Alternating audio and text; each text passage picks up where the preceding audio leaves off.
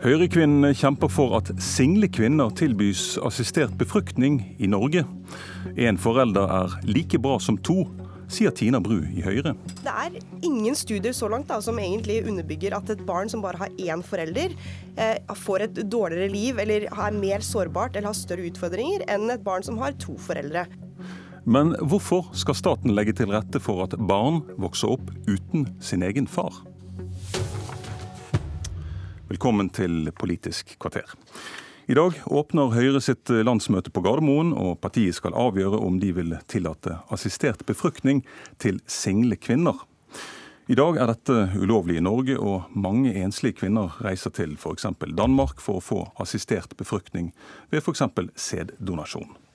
Men det er kun par som har problemer med å få barn, som får assistert befruktning på norske sykehus i dag. Høyres programkomité og Høyrekvinnene vil altså endre på dette.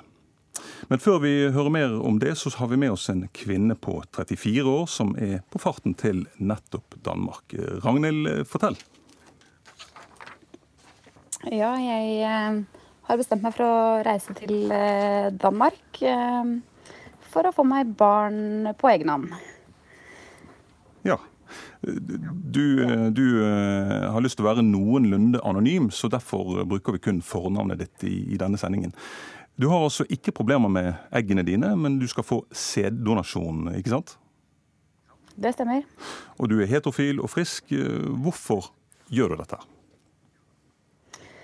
Um, det er jo et uh, ønske Eller jeg har et ønske om å bli mor. Uh, og så har jeg ikke klart å finne meg noen mann å få barn med. Eh, og siden jeg da har den muligheten, så har jeg valgt å gjøre det.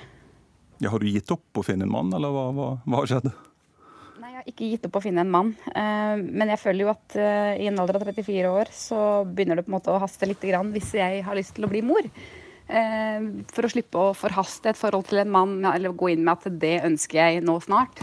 Så tenker jeg at jeg kan gjøre det først, og så har jeg resten av tida etterpå på eventuelt finne meg en mann. Ja, Så du begynner å haste litt for deg? Jeg syns det. Mm. Hva slags donor har du valgt uh, i Danmark? Uh, jeg har valgt Man kan jo uh, bestemme hva man vil ha av utseende, først og fremst. Og da har jeg valgt en donor som har like trekk som det jeg har av utseende, da.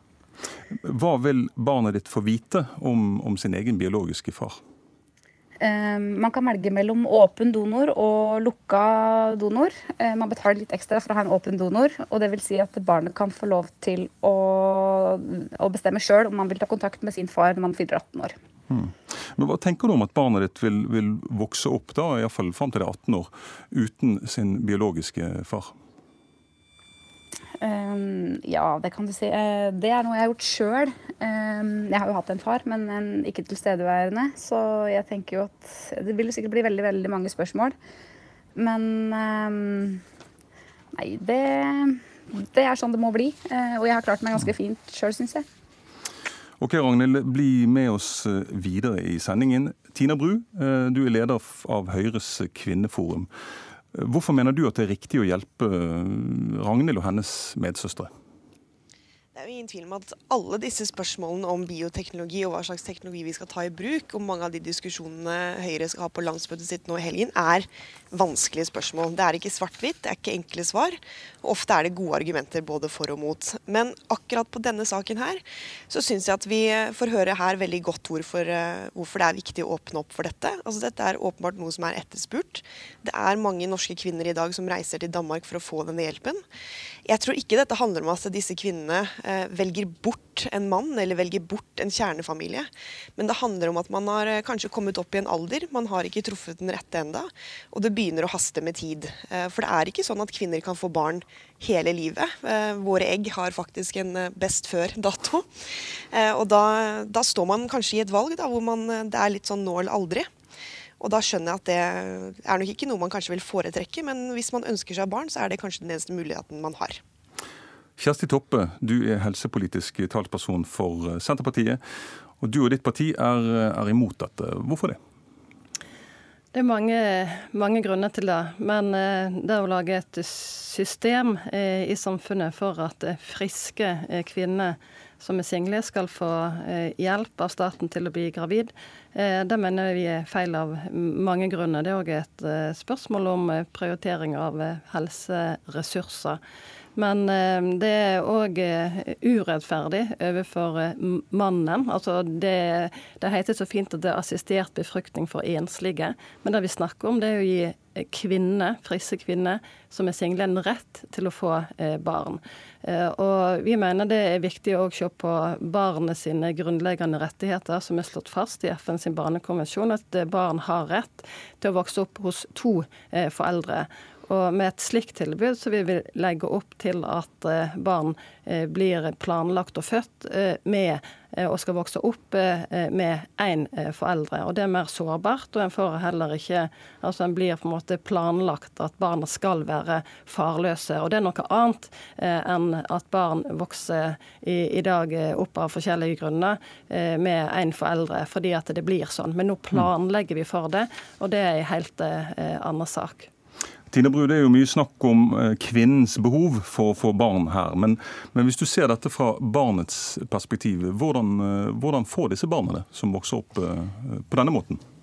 Ja, jeg syns at det er et viktig argument og noe man må tenke veldig mye gjennom når man skal åpne opp for nye ting. Men sånn som det som Kjersti Toppe sier her først, da, om at uh, dette handler om å hjelpe friske kvinner uh, med å få barn, og det syns hun ikke noe om. Ja, men det gjør vi allerede i Norge i dag.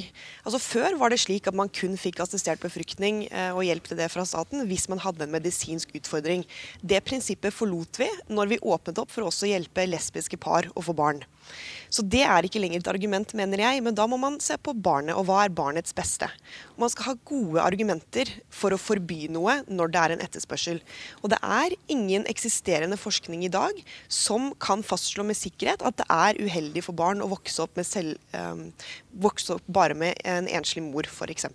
Men igjen, det er ikke masse studier på dette. Uh, det første IVF-barnet ble jo født på 70-tallet, så det er, jo, det er jo ikke noe vi har hatt i veldig, veldig mange år. Så vi må jo følge nøye med. Men foreløpig så er det ingenting som, uh, som, sier eller forteller oss at et barn som vokser opp med en forelder, vil ha det verre uh, enn et barn som vokser opp med to foreldre.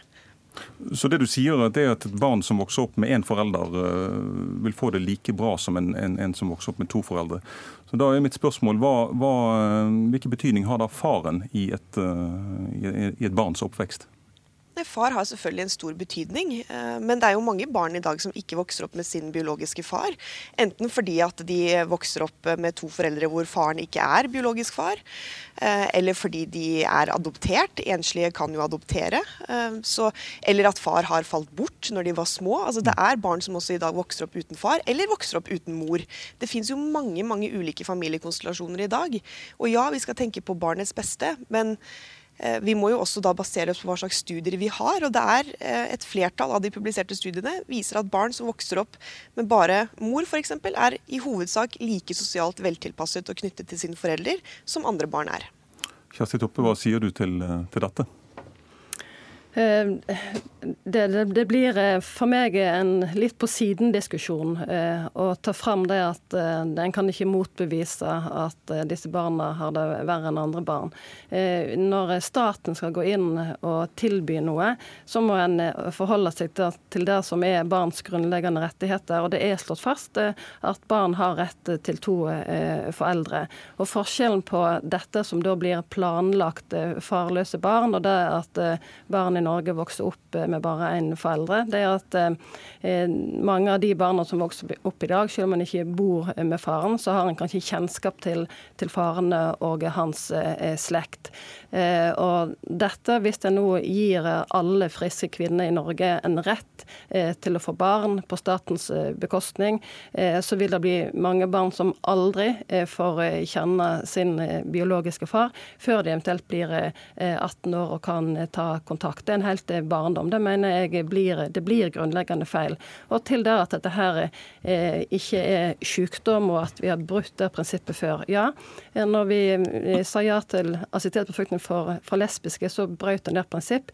Men det mener jeg er for at det er grenser ved det. Det er en stor forskjell på det å gi enslige kvinner en rett til å få barn, og det er òg en stor forskjellbehandling opp mot menn, som da blir overflødige, og at de får ikke samme rettigheten sjøl dersom en da ikke skal eh, gå inn og tillate surrogati i Norge, og det tror jeg eh, ikke vil eh, skje sånn som jeg ser de politiske signalene er nå, og det mener jeg òg er helt rett. Tine Bru, siden, siden, dere ønsker at staten skal legge til rette for dette, og at det skal på en måte bli et, et tilbud som alle norske single kvinner skal kunne få hvis de ikke får barn, har du tenkt på det at disse barna da vil vokse opp uten å vite om sin biologiske far? Hva, hva har du tenkt rundt det? Dette er jo en grunn til at vi ønsker å åpne opp for dette i Norge. Fordi at Hvis vi gjør det i Norge, så kan vi også regulere det innenfor rammer som vi synes er gode. Eh, for så mener jeg at det er helt naturlig at dersom man åpner opp for dette i Norge, så må det følge et samme prinsipp som på annen eh, assistert befruktning eh, ved donor, som er at man skal ha rett til å kjenne sitt opphav. Tilfellene i dag er jo at når man reiser til utlandet, så kan man reise til land som ikke har dette kravet. Så barn som er unnfanget ved hjelp av anonym donor i utlandet, vil aldri få mulighet til å kjenne sitt biologiske opphav. Da er det bedre å gjøre det i eh, Norge. Eh, så jeg, eh, jeg, tror vi må ta det litt ned her, for vi snakker som at eh, dette er noe som nå alle single kvinner kommer til å gjøre. At dette er å foretrekke foran å, å finne seg en mann, få seg en partner, gifte seg, ha en kjernefamilie. Det er ikke det dette handler om. Dette handler ikke om at kvinner kommer til å velge bort kjernefamilien. Dette handler om kvinner som står der i en alder av 38 til 40 år kanskje.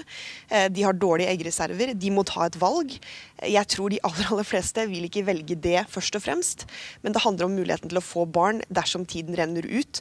Og hvem er det som har sagt, eller eh, hvorfor er det sannsynlig at disse kvinnene aldri kommer til å finne seg en mann senere? Kanskje kan disse barna vokse opp med en far uansett. Ok, Alessandro, vi, vi skal komme inn med et uh, nytt moment her. For hver fjerde mann i Norge får altså ikke barn i dag. Det er altså 25% av alle menn i Norge de, de får ikke barn ved 45-årsalderen. Innen de er 45 år. Og Dette er et uh, rekordhøyt tall som uh, vokser raskt. Folkehelseinstituttet er bekymret og sier at disse mennene oftere sliter med psykiske plager uh, gjennom livet. Og Kjersti Toppe, hvordan tror du tilbudet om assistert befruktning for single kvinner vil kunne slå ut på denne statistikken? Eh, det kan jo ikke jeg eh, vite, men det er jo klart at eh, blir det et reelt og helt ordinært valg for alle kvinner å ta, at en kan ufikse og bli gravid på, på, egen hånd med at staten har et tilbud, så, så vil jo denne statistikken som er bekymringsfull, den vil iallfall ikke bli, bli bedre. For at, uh, uansett så er det jo et tilbud som vil gjøre uh, far overflødig dersom kvinner sjøl eh, ønsker det. Eh, så, så hele problemstillingen med å gi assistert befruktning til friske enslige Eh, den har store, altså større samfunnsmessige konsekvenser enn det tilbudet isolert sett kanskje kan se ut som. Annet det som du viser til med den statistikken. Eh, at eh, far har en betydning i et barns liv, og at far er en del av foreldreskapet i Norge. Det syns jeg skal være rammene rundt assistert befruktning. Og det at det skal være faktisk en behandling for barnløshet, og ikke en kvinnes rett til å få et barn dersom en ikke har funnet seg en, en kjæreste innen en viss eh, tid. Det blir langt ut det staten skal gå inn og spandere sine ressurser på. Ragnhild, jeg har lyst til å spørre deg, altså, Hvis det ikke fantes et tilbud som dette, verken i Danmark, Norge eller noe annet land, men at du måtte finne deg en mann for å bli gravid, eh, hva ville du ha gjort da? Det er jo litt vanskelig å svare på. Jeg, nå er det jo sånn at jeg har den muligheten her. Men det kan godt hende at jeg har prøvd for lite, eller ikke hardt nok. At jeg har gitt uh, menn som burde hatt en sjanse At jeg ikke har gitt uh, dem en sjanse. Men jeg har jo vært borti uh, en del menn som jeg har møtt, som er veldig flotte karer, som f.eks. ikke vil ha flere barn, og at det da på en måte ikke har kunnet blitt noe av den grunn. Um, så Nei, jeg, jeg Ja.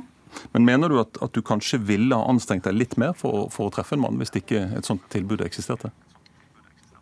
Jeg tror det er naturlig å si ja på det, ja. Mm. Kan jeg bare få skyte inn da? Altså når man sier, jeg Kort til slutt, Tina Bru. Ja. ja. jeg bare, jeg bare syns dette er nesten litt sånn sprøtt å høre på. fordi at eh, Hvis man skal bruke en sånn logikk, så får man nå si at ja, da kan alle disse mennene da, som ikke har fått seg barn og kvinner, da får de jo anstrenge seg litt mer. Det er ikke det dette handler om, tross alt. Tina Bru, denne debatten fortsetter på landsmøtet i morgen. Politisk kvarter var ved Ole Reinert Omvik.